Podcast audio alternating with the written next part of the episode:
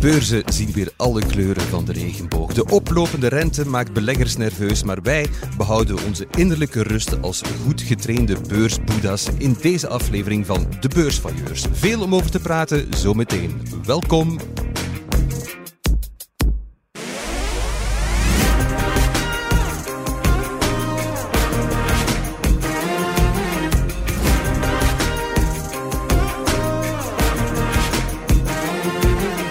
Elke week krijg ik het gezelschap van een bekende belegger en van twee beursvailleurs. Dat zijn deze week Serge Mampai, financieel journalist bij De Tijd, en Simon Renti, redacteur van De Belegger. Dag allebei. Hey, hallo. Hartelijk welkom, heren. Twee nieuwe gezichten rond tafel, dat is zeer erg fijn. Ik start meteen bij het jongste veulen. Simon, hoe lang vertoef jij al in de beleggerstal? Het heeft eigenlijk een tijdje geduurd. Ik, uh, ik was eigenlijk al langer met beleggen bezig. Ik echt met mijn eigen centen ben uh, beginnen beleggen. Ik denk dat ik dan het laatste jaar als student was, dat ik eigenlijk echt begonnen met mijn eigen geld beleggen. Omdat, ja, zeker als student of als scholier heb je nog niet zo'n groot kapitaal. En dat gaat dan veranderen naar kebabs en pintjes, wordt het dan geïnvesteerd. Dus uh, ik was eigenlijk daarvoor al wat bezig met zo beleggerscompetities en zo. Toch wel? Ik echt de stap uh, heb gezet.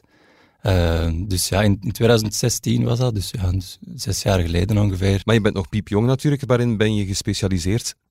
Het is een beetje de, de technologiebedrijven, internetbedrijven, maar dan vooral het B2C-gedeelte. Dus echt uh, de internetplatformen en zo, de, de, de Airbnb's en, en dat soort van bedrijven. Dat, dat volg ik wel een beetje, ja. Merk je in je vriendenkring dat er, dat er steeds meer jonge beleggers zijn? Uh, ja, toch wel. Ja. Het is, het is um, misschien ook wel een beetje mijn leeftijdscategorie, maar zeker tijdens de pandemie zijn veel mensen denk ik uit verveling wat beginnen beleggen. Ah ja, dat is een, negatief vertrekpunt, maar toch ook goed dat ja, dat, dat kan je wel zeggen, ja, dat veel mensen de beurs wel als een spelletje zijn beginnen zien. Maar ja, het was, mensen hadden denk ik tijd zat. En, en er werd ook veel over gesproken. Er gebeurde van alles op de beurs. Dus het was heel vaak in het nieuws. En daar heeft veel jonge beleggers denk ik wel naar die, naar die beurs getrokken, ja. En word je dan niet als expert niet voortdurend aangesproken? Het is een, een beetje. Wat moet ik doen, Simon? Je bent in de vriendenkring dan onvermijdelijk een beetje de beursguy, inderdaad. Uh, Hoe ga je daarmee om? Ja, daar moeten we wel wat voorzichtig mee zijn. Hangt er wat vanaf welke achtergrond dat iemand heeft. Zijn mensen die er heel erg in geïnteresseerd zijn en dat ook misschien wat een, een economische achtergrond of zo hebben. Die moeten dan iets meer, willen iets meer weten en andere mensen moeten echt zo van nul uh, vertrekken. Dus, dus het is iedereen zo'n beetje een juiste attitude ten opzichte van de beurs wat uh, bijbrengen. Ja. Maar tegelijkertijd geef je wel advies aan vrienden. Het kan goed gaan. Ja, zo echt, echt uh, aandelen tips, harde tips geven, dat, dat doe ik toch niet zo vaak. Dat is, dat is, echt iets dat, dat verkeerd kan aflopen. Dus uh, het is meer een soort van strategie of zo bijbrengen dat ik wel, wel wat probeer te doen. Ja. En wat is de kern van die strategie? Koop wat je kent. Dus dingen, bedrijven dat je, dat je verstaat, daarin in, uh, beleggen. En toch ook een beetje kijken, en dat is wat dat jonge beleggers wat vergeten, uh, de prijs dat je voor iets betaalt. Want je kan, een heel interessant bedrijf kan een heel slechte investering zijn als je er te veel voor betaalt.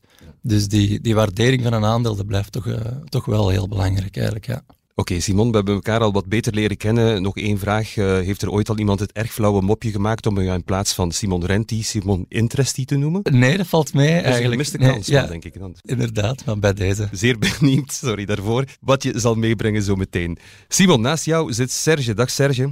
Hallo. Welkom. We hebben jou al een paar keer aan het woord gehoord in de zeven, maar eindelijk hebben we jou uh, weten te strikken. Graag gedaan. Heel, heel blij dat je bent vandaag. Als mensen jou niet kennen van de tijd, dan is het wel van je boek Sla munt uit de beurs. Dat is een, een, een agressieve titel wel. Ik vraag me af, is, is het prettig geweest om, om een boek te schrijven? Uh, vooral heel veel werk, maar uh, absoluut heel prettig, want het ging over 100 Belgische aandelen die dan heel helemaal gefileerd werden.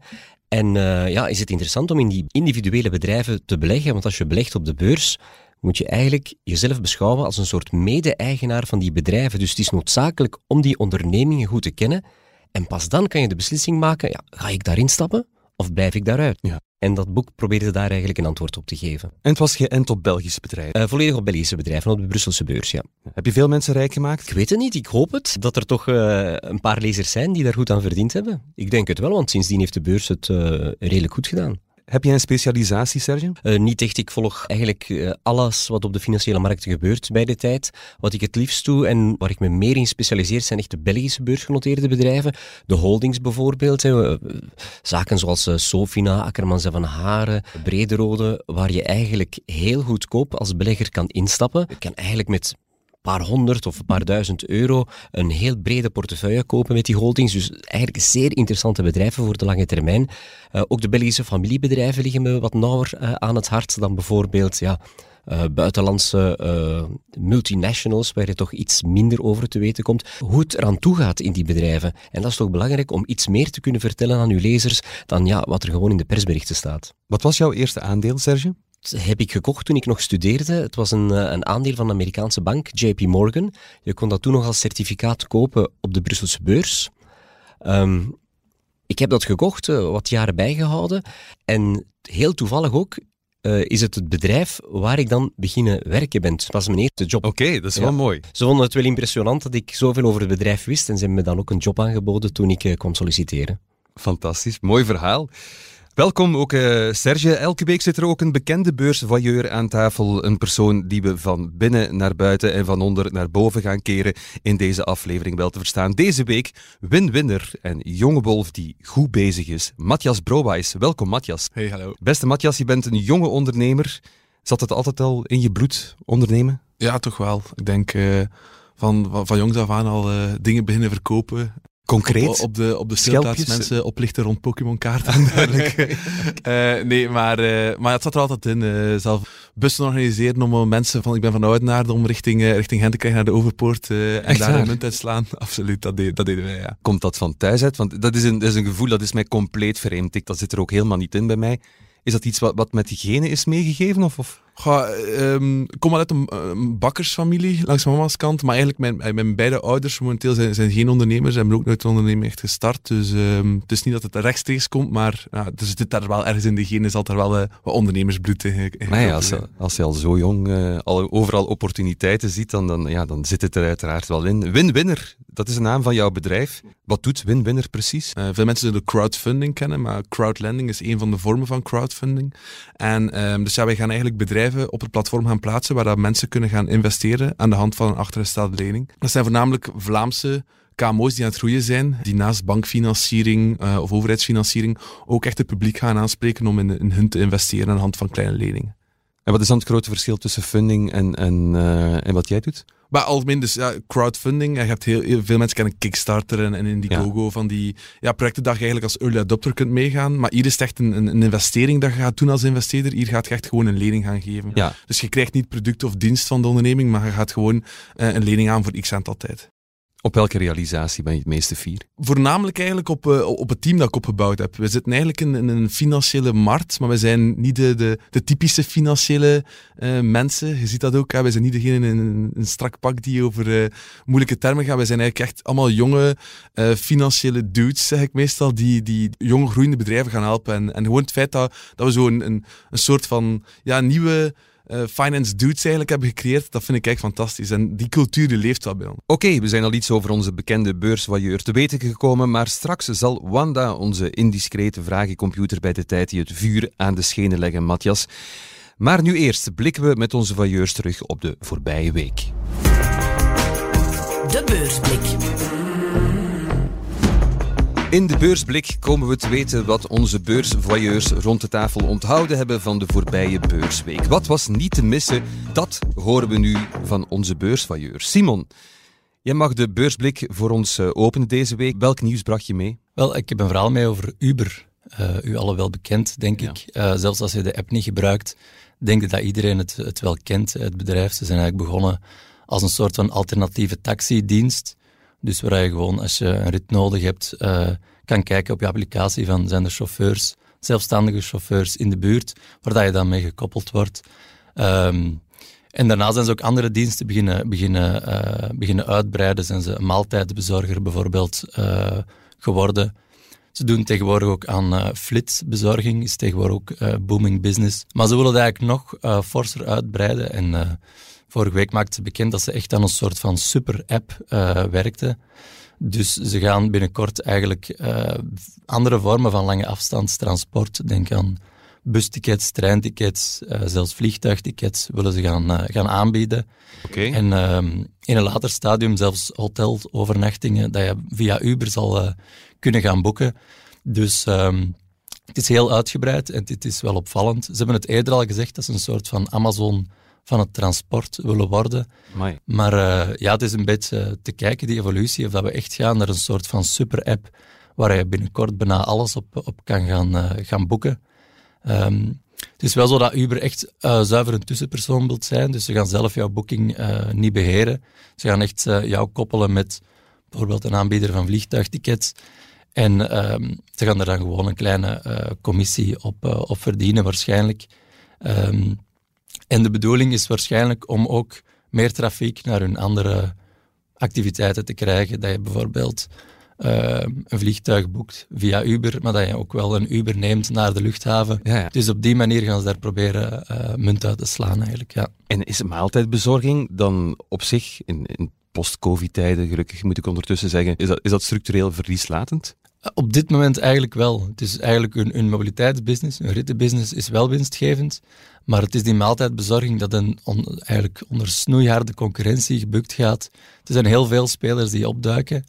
En uh, tijdens corona zijn heel veel mensen beginnen uh, bestellen thuis, omdat de, de, restaurants toch dicht waren, of omdat ze niet durfden op restaurant gaan. Maar nu zien we toch dat die, dat die trend eigenlijk blijft hangen. Dus dat ook nu de pandemie wat geluwd is, we zijn er nog niet vanaf, maar dat mensen eigenlijk in die gewoonte blijven hangen en dat er nog altijd een enorme groei achter zit. Maar het is, de marges zijn, zijn zo klein. Er zijn eigenlijk allemaal spelers die eerst zoveel mogelijk marktaandeel proberen te winnen en eigenlijk hun concurrenten proberen plat te knijpen. Maar dat zorgt ervoor dat er eigenlijk bijna niemand structureel winstgevend is in die, uh, in die sector. Simon, vind je dan uh, het aandeel Uber Technologies niet interessant? Op dit moment, eigenlijk, het is, het is in, in midden 2019 geloof ik naar de beurs gekomen aan iets meer dan 40 dollar. En we noteren daar nu een beetje onder, denk ik. Dus ondanks de, de sterke groei is het aandeel heeft eigenlijk niet veel gebougeerd. Dus misschien dat het nu wel speculatief interessant is.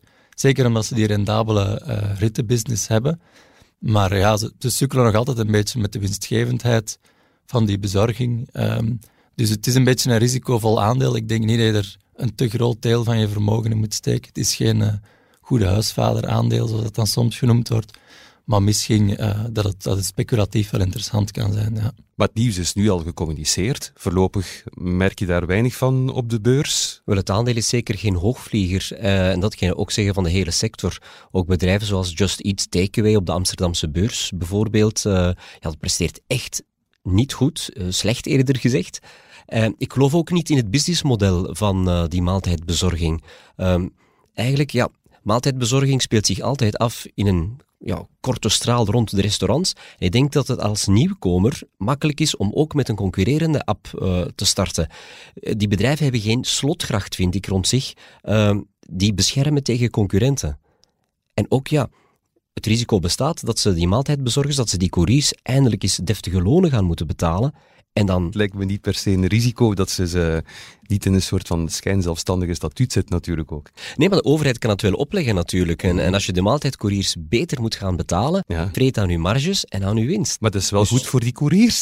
voor die couriers is dat goed, absoluut. Uh, maar voor het bedrijf iets minder. Ja. En dan voor de aandeelhouders ook natuurlijk. Ja. Hoe, hoe zie jij dat, uh, een Uber-app, Matthias? Wat is jouw gevoel daar meteen bij als, als man die ja, maar jonge ben, bedrijven wel, lanceert? Ik ben wel, ik ben wel fan van, van het hele bedrijf Uber. Ook, allee, ik gebruik de Uber Eats ook gewoon voor de, de user experience van, van de app. Ik ga die andere apps niet gebruiken, omdat dat, het werkt gewoon goed en het is gewoon, het is gewoon leuk om te gebruiken. Waar ik een beetje schrik altijd heb, is een, een super app waar je alles mee kunt doen. Zitten we daarop vandaag op te wachten. In één omgeving alle, alle zaken uh, gaan, toepassen. Ik, ik, weet niet of, of, of morgen iedereen uh, de super-app ook maximaal gaat gebruiken of enkel misschien tot de, tot de taxis gaat beperken. Dus. Het is natuurlijk wel één app maar openen om alles mee te doen. Tegelijkertijd vind ik dat ook altijd een klein beetje eng van oei, dat gaat Absoluut. precies allemaal via die ene applicatie. Voilà, en dan, dan denk ik weer dat we misschien ook weer met hele privacy gegeven zitten, dat het alle data richting Uber gaat. Dus dat zal, dat zal waarschijnlijk ook wel meespelen en volgens mij nog niet zo super makkelijk zijn om dat morgen uh, bij iedereen uh, de, de super-app te laten installeren. Oké. Over naar Serge. Wat voor lekkers heb jij voor ons meegebracht, Serge? Wel een lekker overnamebod uh, op de Brusselse beurs. Uh, Pascal van Halst, dat is een, uh, een, een discrete West-Vlaamse ondernemer, bekend van Thermote van Halst. Het bedrijf dat je uh, ziet met die vorkheftrucks als je langs de E17 rijdt. Ah, ja. Ehm, die lanceert een overnamebod op Resilux. En Resilux is een maker van petflessen uit Wetteren. ze hebben ongeveer een marktaandeel van 7 à 10 procent in Europa, dus toch een, een redelijk grote speler met tien fabrieken, eh, waaronder zelfs één in Rusland, één in de Verenigde Staten. Dus ze lanceren een bod aan, ehm, dus die Pascal van Halst lanceert een bod aan 235 euro per aandeel. En de familie, de stichtersfamilie De Kuiper van Resilux, die verkopen hun aandelen ook grotendeels. In tegenstelling tot eerdere biedingen op familiebedrijven die van de beurs gingen, ik denk bijvoorbeeld aan uh, het kartonbedrijf VPK of uh, de brouwerij Duvel Moordgat, ja. die we allemaal kennen, is dit wel een correcte prijs. Dus ik vermoed dat heel veel beleggers daarop gaan ingaan en uh, dat Van Alst erin zal slagen om Resilux van de beurs te halen. Je kan dat als belegger natuurlijk heel jammer vinden. En weer een bedrijf minder om in te investeren. Ja. Resilux betaalde een mooi dividend, groeide goed, is zich volledig aan het omschakelen van ja, petflessen die eigenlijk toch uh, vaak met plastics geassocieerd worden, een beetje een negatief imago hebben, naar een, uh, een groen bedrijf. Dus een bedrijf dat van oude petflessen volledig nieuwe maakt. Um, volgens topman Dirk de Kuiper is, is zelfs uh, ja, het gebruik van petflessen veel groener dan het gebruik van glas of blik. Mm -hmm. Pet weegt veel minder, kost uh, 30 keer minder energie om zo'n fles te maken dan een glazen fles. Dus ze positioneren zich echt als, ja, als groen, uh, duurzaam, milieubewust bedrijf. Matthias, is dat iets wat jij ook opvolgt, al, al die beursnoteringen van bedrijven die al dan niet helpt opstarten of zo? We, kijken daar wel naar inderdaad. Ook gewoon om te kijken, jonge bedrijven die opstarten, is van oké, hoe zit die sector in elkaar? Allee, die pakjes en dergelijke. Is, dat is interessant om te kijken inderdaad van oké, waar gaat dat naartoe? En, en als een jong bedrijf gaat dat relevant zijn in die, in die bepaalde niche of in, in een bepaalde sector. Dus ja, je moet daar wel in mee zijn. En, en, en, zeker als je ziet dat heel die, die, die overname uh, sector, die, er is van familie bedrijven, er is vaak ja, geen opvolging. En het zijn vaak ook jonge ondernemers die daar klaarstaan om dan misschien net een nieuwe wind in zo'n in bedrijf te gaan jagen. Dus dat volg ik ook wel op. Ik ben heel benieuwd welk fragment jij voor ons hebt meegebracht, Matthias. Ja, ik ben uh, net als Serge ook in het Oost-Vlaamse gebleven. Uh, ja? Ik heb gekozen voor een fragment uit Gent. Um, wel, wat, wat zagen we vorige week is dat uh, de, de studentenquoten extreem duur aan het worden zijn. Um, maar goed, ja, meer en meer studenten worden er worden toegelaten of, of, gaan beginnen studeren. Dus er is meer huisvesting nodig.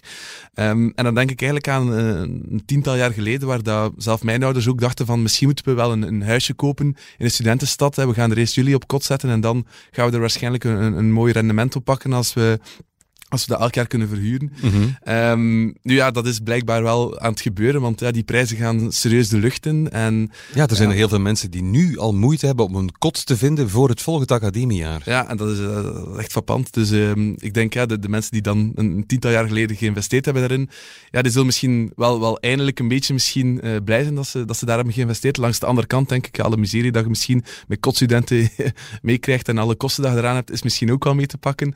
Um, maar goed, ja, ik denk wel dat er, dat er, dat er heel veel uh, daaraan het gebeuren is rond die studenten. En het is een heel leuke markt gewoon om, om weten dat die markt gewoon aan het groeien is. Je, je kan die problemen vermijden, want er is op de beurs van Brussel ook een bedrijf dat zich specialiseert in studentenquoten, namelijk Xior. Xior kan zijn winst elk jaar ongeveer met 10% verhogen, dus eigenlijk ook een goede belegging. Uh, je investeert, je, je koopt alleen het aandeel en je moet je niks aantrekken van studenten die misschien ja, je, je privékot uh, vernietigen, want studenten zijn toch niet alle bekend, absoluut. Dus je, je geniet mee van alle huren uh, die de studenten betalen. Je geniet mee van de stijgende vastgoedprijzen in die studentensteden.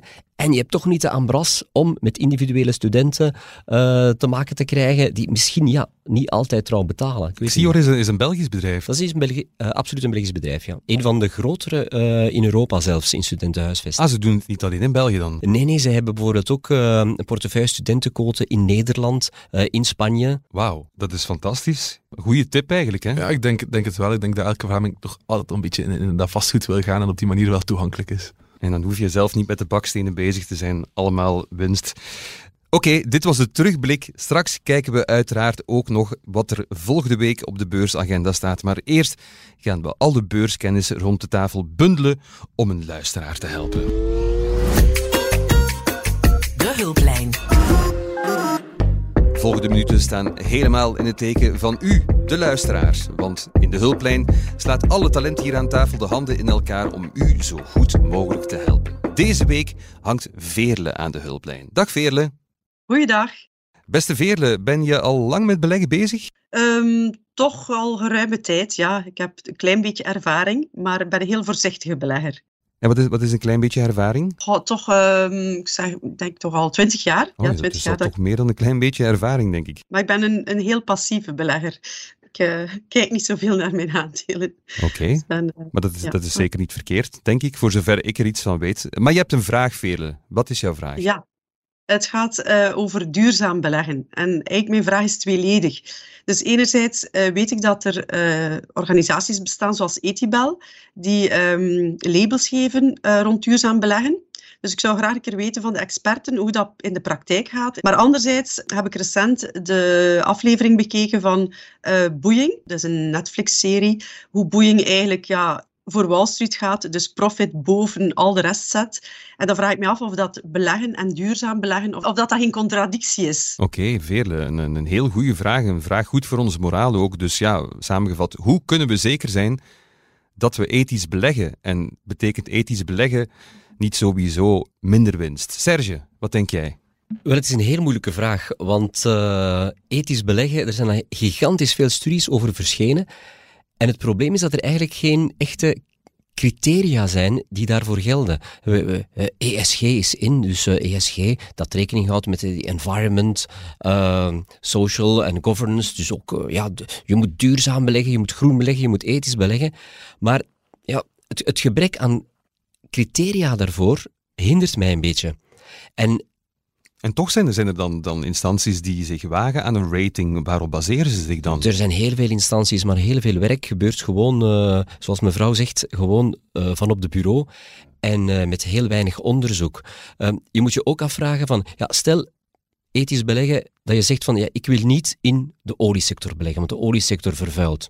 Maar de grote oliespelers, zoals een Shell, Total Energies, zijn net de bedrijven die het meest inspanningen doen om de maatschappij te vergroenen. Zij investeren het meest in zonnepanelen, zij investeren het meest in windenergie. Um, en is dat, is dat geen window dressing? Is dat in echt waterstof? Nee, dat, dat, is, dat is absoluut de realiteit. Okay. En Engie bijvoorbeeld is zich ook volledig aan het umturnen van kernenergie naar uh, duurzame energie, herbruikbare energie. Moet je dan zeggen van nee, we gaan niet in die bedrijven beleggen, want die doen in olie, die doen in kernenergie? Of moet je die juist gaan belonen, omdat ze die inspanningen doen? Ja, dat is een heel moeilijk. Dus dat is een, een, cruciale vraag al die met dat ethisch beleggen te maken heeft. Ik zou zeggen het tweede. Als je puur op ethisch beleggen gaat focussen, dreig je ook uh, rendement te missen.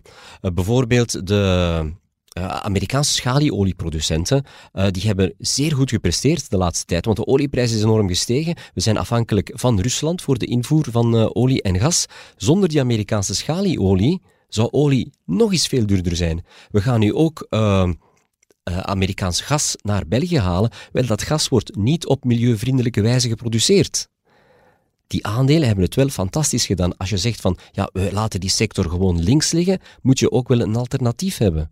Je kan ja, alleen duurzame energie uh, gaan kopen, maar daar kom je er niet mee natuurlijk. Dus het is een heel moeilijk. Simon, ik wil toch nog aan jou ook eens die vraag stellen. Betekent duurzaam beleggen of voor duurzaamheid bewust kiezen echt ook altijd wel wat minder kans op rendement? Dat denk ik niet. Het is, het is eigenlijk zo dat je belegt in de bedrijven van de toekomst en, en ook in bedrijven hè, die soms in zo'n veranderingstraject eh, zitten, die zich willen verduur, verduurzamen, dat je eigenlijk voor de meest flexibele bedrijven kiest. Het is natuurlijk wel zo, als je van alles gaat uitsluiten, dan heb je veel minder keuze.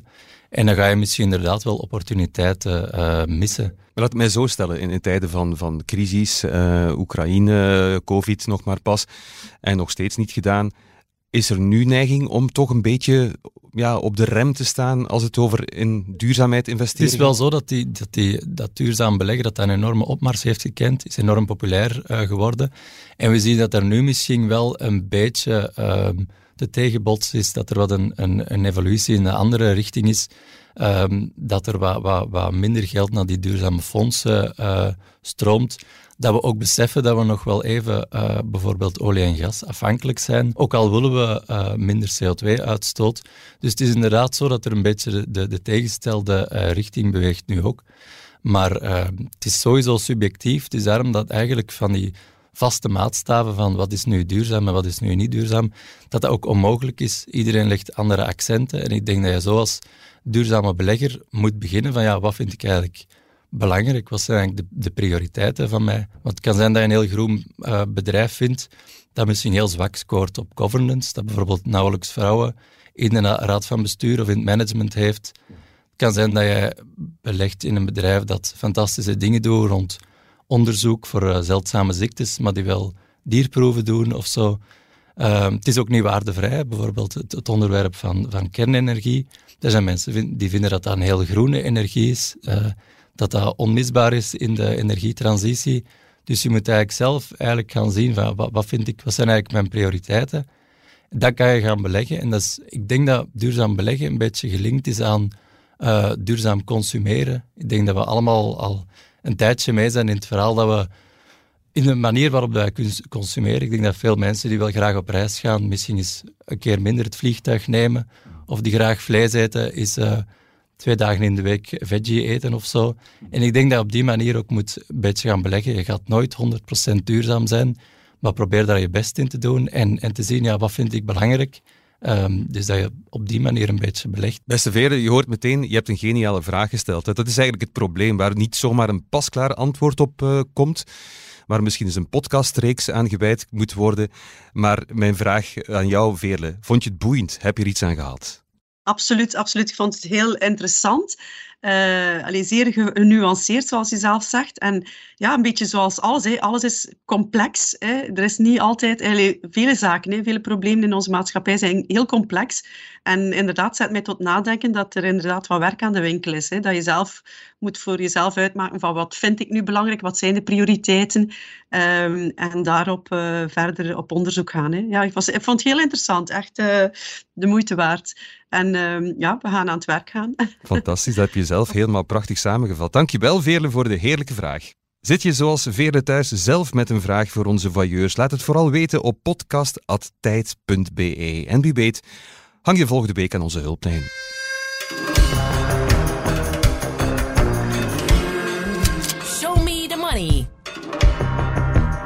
Inderdaad. Matthias, we zijn al heel wat te weten gekomen over jou, maar we willen nog meer. En die taak besteden we nu volledig uit aan Wanda Buffett. Dat is uh, onze vragencomputer bij de tijd. Uh, de vragen komen dus niet van ons, voor alle duidelijkheid. Ze komen van Wanda en Wanda heeft verdorie honger vandaag. Er zitten twintig vragen in haar verstopt. Het is aan jou om op een willekeurig cijfer te drukken, want zo komt een vraag tevoorschijn. Welk cijfer kies je om te beginnen, Matthias? Uh, 18. Van welke gemiste belegging heb je het meeste spijt? Een iets wat uh, droevige, maar wel heel spannende vraag van Wanda. Het antwoord hoort u zo meteen na dit. Winwinner en jonge wolf Matthias Browijs is onze gast vandaag en samen met onze lieftallige vragencomputer Wanda wandelen we door zijn beleggingsverhalen. Matthias, de eerste vraag van Wanda is van welke gemiste kans heb je het meeste spijt? Um, een tijdje geleden heb ik een, een bedrijfje begeleid in een, een wedstrijd. Ik, ik ben zo uh, pitchcoach, uh, probeer ondernemers hun verhaal goed naar de jury te laten brengen van die wedstrijden. En daar had ik uh, een heel tof, tof duo. Twee gasten die eigenlijk elektromechanica studeerden en die hadden een domotica systeem gemaakt. Helemaal draadloos. Ze hebben ook die wedstrijd gewonnen. Um, en eigenlijk ja, na die wedstrijd waren ze op zoek naar financiering. En op dat moment had ik eigenlijk zelf eh, geïnvesteerd in, in mijn eigen bedrijf nog een beetje extra. En ook nog een tweede bedrijf opgestart daarnaast. Dus ik had niet de mogelijkheid om mee te gaan. Maar eigenlijk vind ik het jammer, want ze zijn nu in een, grote groep ondergegaan. ehm, die, die ze ongetwijfeld naar een volgend niveau gaat brengen. Maar eigenlijk had ik zelf willen mee investeren. Ik wou zelf ook misschien op dat moment een keer business angel spelen of zijn. Ik heb dat niet gedaan en ben twee weken geleden met die gasten gaan eten. Ehm, ik heb dan nog een keer gezegd dat ik daar heel veel spijt van had, maar bon, het is te laat, dus eh, ik kan niet meer meedoen. Eh, maar ik denk dat, die, dat, dat ze ongetwijfeld eh, sterk gaan groeien met hun bedrijf. En, en zijn ze al op de, gaan ze naar de beurs? Want dan kan je er alsnog in investeren. Dat, dat, dat, zal, dat zal voor een, een latere fase zijn, maar ik denk wel dat mits de, de kennis van de mensen die er nu zijn ingestapt, dat dat zeker wel mogelijk is. Maar en zeker ook ja, die, die, die elektromechanica, die, die systemen, en, en het zijn twee ja, 20-jarige studenten die daarmee gestart zijn. Ja, ik denk zeker dat er heel veel potentieel in zit. En zo lopen er heel veel ja, jonge bedrijfjes rond die, die met fantastische ideeën zitten, waar, waar je vandaag ook mee kunt investeren, los van of ze al op de beurs zitten of niet. En, en hoe heet die domotica jongens en meisjes? Dan kunnen we die in de smiezen houden voor zodra ze de Voilà, beurs gaan voilà. meemaken. Eh, dat is homemade. homemade. Goed om te weten. Oké, zeg nog maar een cijfertje, Matthias. Eh, twee. Wat was je eerste belegging?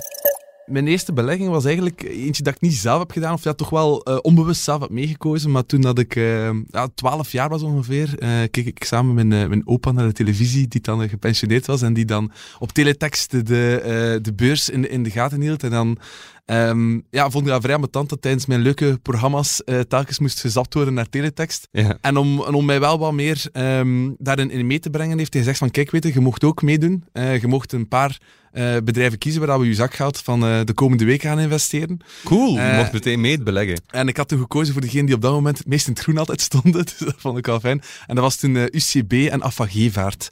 Ehm en ik heb die dan op, ik denk toen 18-jarige leeftijd verkocht. Eh, omdat ik dat geld eigenlijk wou om, eh, om als student eigenlijk te gaan leven. En, en dan ben ik eigenlijk, ja, eh, heb, ik er, heb ik er niet meer verder in geïnvesteerd. Um, Affagevaart zou niet meer gelukt zijn, maar, maar UCB zou wel op vandaag nog lukken. Maar ik heb het niet meer gedaan. En je opa had er niet bij verteld. En nog een tip, laten staan. Maar ik heb het wel een tijdje laten staan. Mijn zak had dat wel mooi gerendeerd. Ehm, maar het is, dus het is gewoon leuk om, om, om, om dat mee te pakken. Dat ik op, op, op zo'n jonge leeftijd toch wel al een beetje aan het volgen was. Misschien ja, met, weinig idee van wat het allemaal aan, aan het doen was. Maar, maar gewoon het feit dat, dat de cijfertjes in het groen gingen op dat moment was al meer dan genoeg om, om mee te doen. Ja, fantastisch verhaal. Oké, nog een cijfertje. Ehm, acht. Wie is jouw grote beleggersvoorbeeld? Een echt beleggersvoorbeeld heb ik eigenlijk niet echt. Dat, dat, ik denk dat ik eerder kijk naar ehm, ondernemersvoorbeelden. En, Mhm. en mis- misschien moet ik daar iemand voor pakken. Die, waar ik wel echt, echt naar opkijk, is, is het, het verhaal achter Colruyt, chef Colruyt. Ehm, niet alleen omdat hij ook investeert in, in jonge startups die dan de, de hele retailmarkt naar boven brengen. Maar ook gewoon omdat hij, denk ik, ja, voor, voor nog zo'n zotte uitdaging staat de komende jaren. eh, om, om in die retailmarkt die constant aan het veranderen is, eh, toch weer te gaan, eh, te gaan uitspringen daartussen en, en toch te zorgen dat dat, dat groeit. Ondanks dat de aandeel ja, de afgelopen jaren niet zo goed heeft gedaan, vind ik het toch wel chapeau hoe dat, hoe dat iemand dat, dat bedrijf toch zo kan naar, naar volgende niveaus brengen. Heb jij ook zo'n held, Serge? Of, of ben je, ben je, behoor je tot de Warren Buffett-clan? Want dat is natuurlijk een, een Ik- soort ik van de, de, de absoluut- bagwaan van de beleggende, weet ik na vier afleveringen podcast. Ik ben absoluut fan van eh, Warren Buffett. Eh, al heel lang. Eh, ik heb de aandelen van zijn holding, Berkshire Hathaway, zelfs ooit gekocht bij de geboorte van mijn dochter.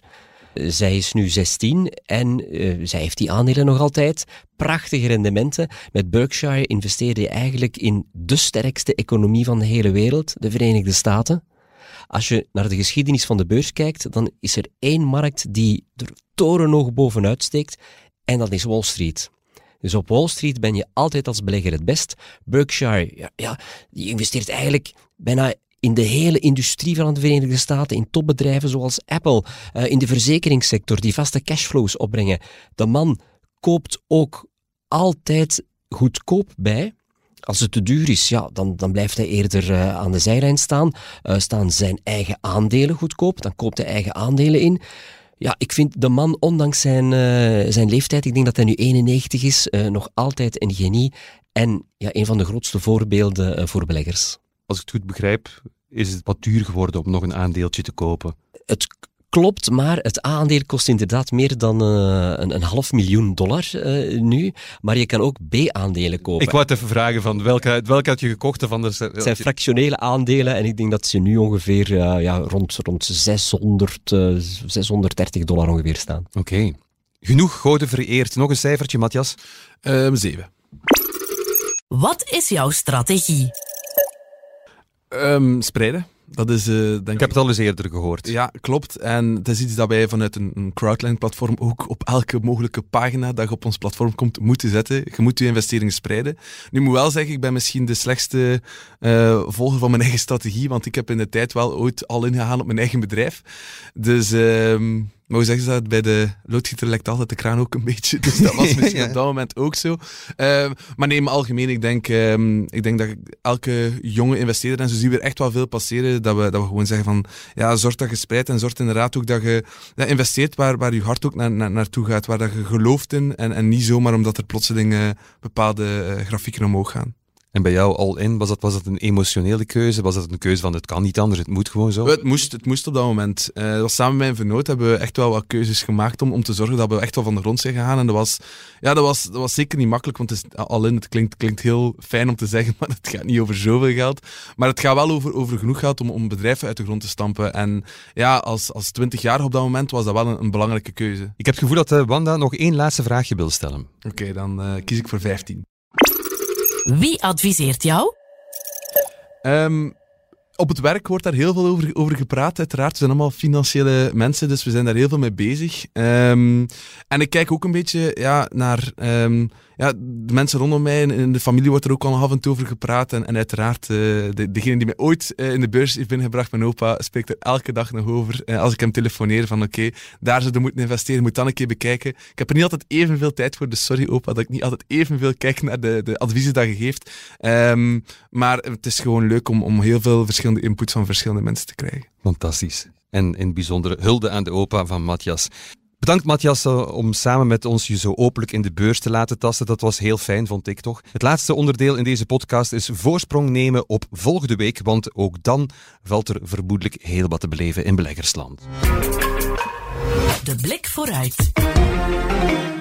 Ook deze week nemen we graag een voorsprong op de week die komt. Dus ben ik zeer benieuwd waar onze beursvoyeurs nu al naar uitkijken. Wel, het wordt een beetje uitkijken naar uh, de start van het resultatenseizoen.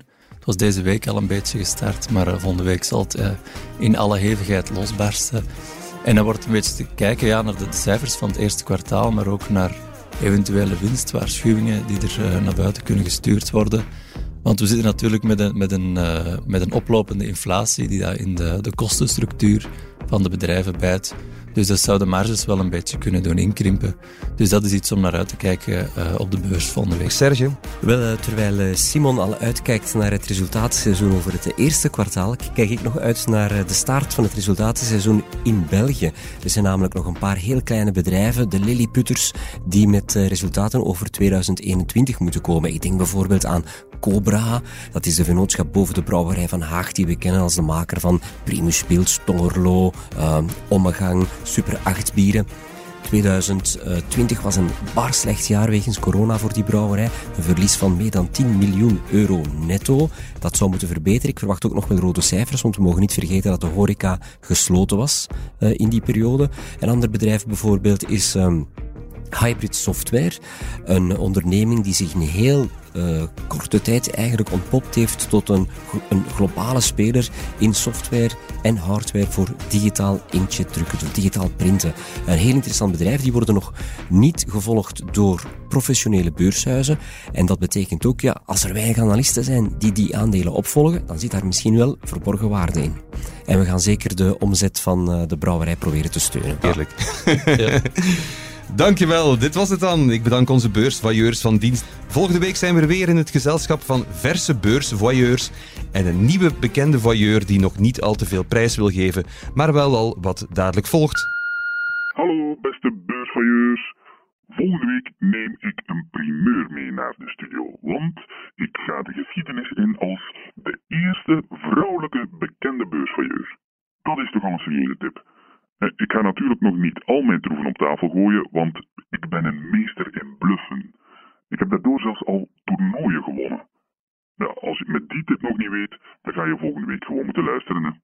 Dag!